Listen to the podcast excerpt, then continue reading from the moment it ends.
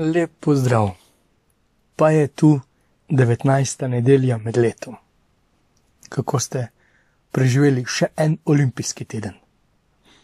Zmage, porazi, solze in nasmehi do všes.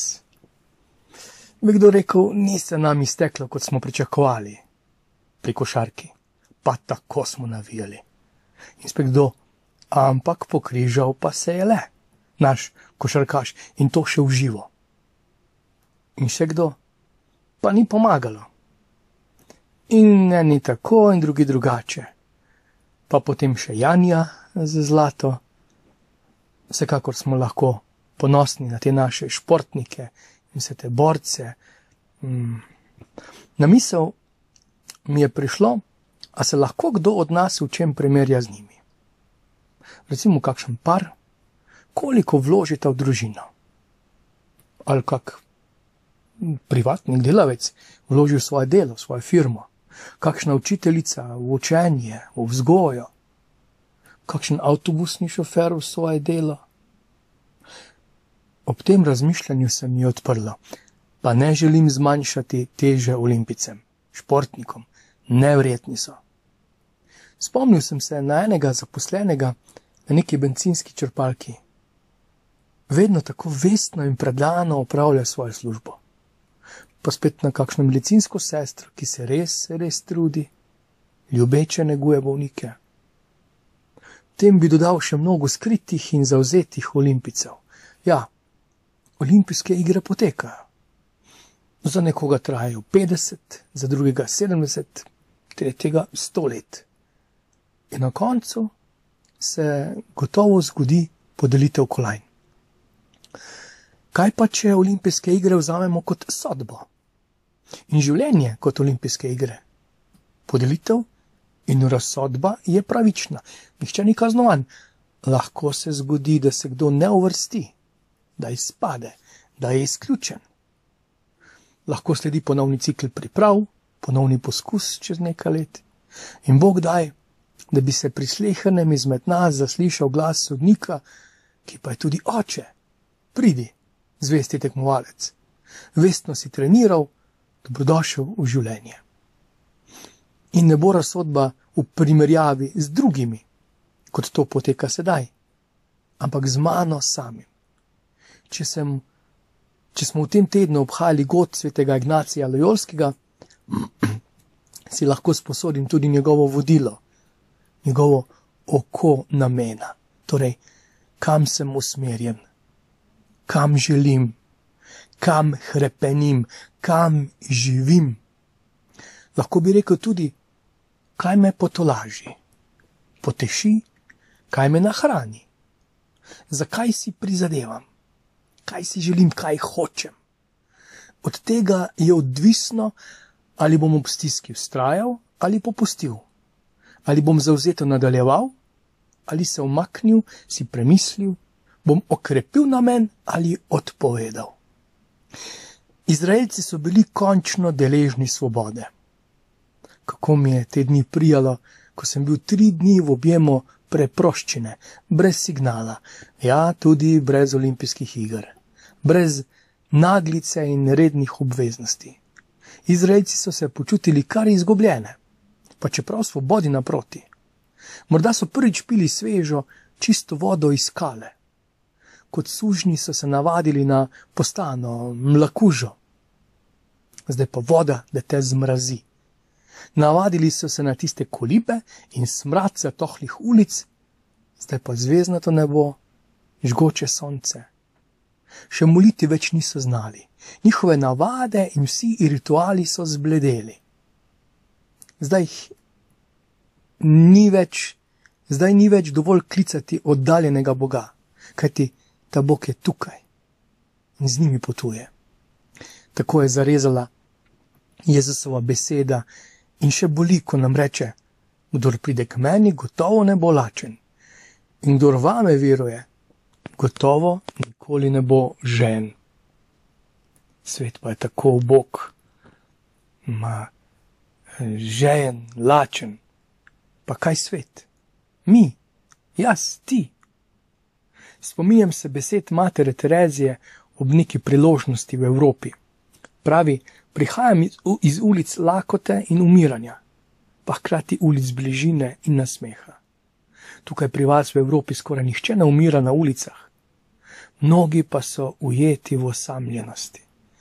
Tej množici ubogih, obupanih, potisnjenih na rob, lačnih, žejnih, življenja, govori Kristus, jaz sem kruh življenja.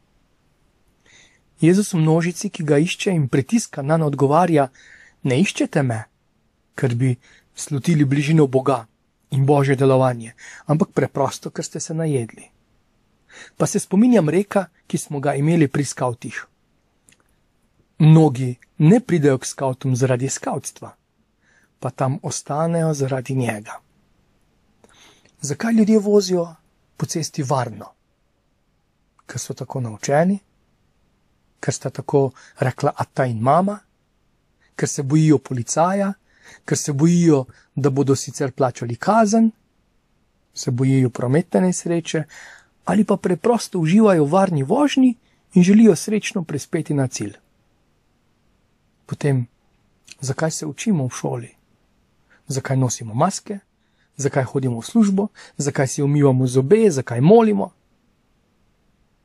Ne iščete me zato, ker ste videli znamenja, ampak ker ste jedli kruh in se nasitili. Torej je še možnost za slehenega izmed nas. Vidimo pri Eliju, prvo berilo. Ne toliko, da ga je jed, ki mu jo je ponudil angel, okrepčala za pot, ampak bolj to, da je prerok takoj po veličastnem razodetju Boga, lahko si preberete 18. poglavje prve knjige kraljev, ko je Bog na tako nevreten način sprejel njegovo daritev, da prerok je pobegnil.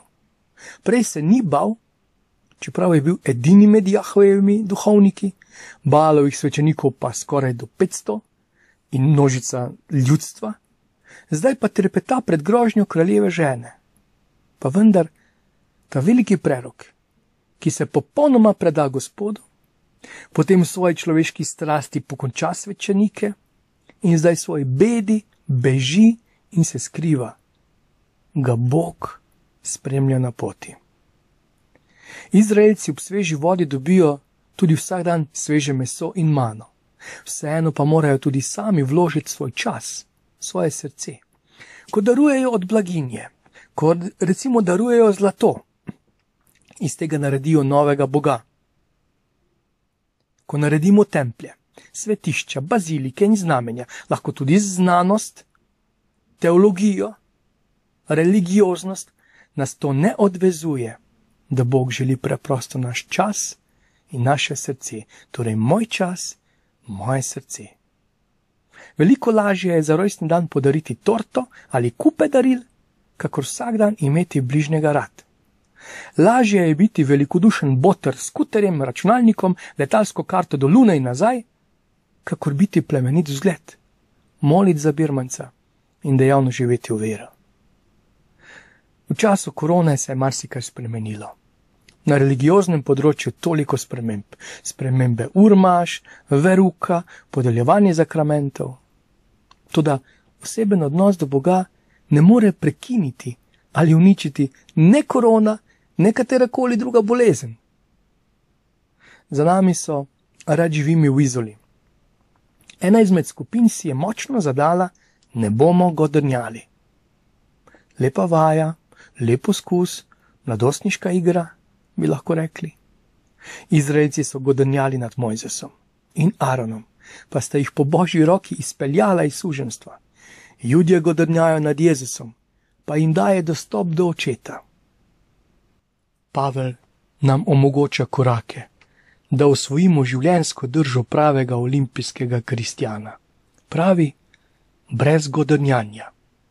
Naj izginejo med vami vsakršna ujedljivost, vsakršno besnenje, jeza, rohnenje in preklinjanje, vsakršno hudobijo vred. Bodite drug do drugega dobrosrčni in usmiljeni, ter drug drugemu odpuščate, kakor je tudi vam Bog milostno odpustil v Kristusu. Tudi čas med počitnicami šteje. Recimo, da si razvajen v preklinjanju. To argument, da saj nisem tako mislil, ne šteje. Rečem ti, začni misliti in ne kovni, ne izgovarjaj malomarnosti Božjega imena. To bo ena močna disciplina, težavnostno plezanje. Poskusi. Prevzemi odgovornost in zagotovo se bo tvojemu lepšemu besednjaku pridružila še lepša misel in njima lepše življenje. Ja, tudi ta čas šteje. No, pravzaprav imamo edino ta čas. Ne čakaj drugega, boljšega, primernejšega. Če pa kletvic ne, požna, ne poznaš, nimaš težav z njimi, se lahko podaš na področje ujedljivosti, pripomb, žalitev, tarnanja, ugovarjanja, jeze in še jih na njih zapavel, skratka, cel poligon. In ne se bati neuspehov. Ni nam treba zmagati. Tudi ne gre za tolažilno misel, važno je sodelovati. Ampak posnemajmo Boga v teh krepostih, saj smo njegovi ljubljeni otroci. To šteje. To je največja kolajna, naš največji dosežek, da smo njegovi ljubljeni otroci. Bog va živi, lepe počitnice.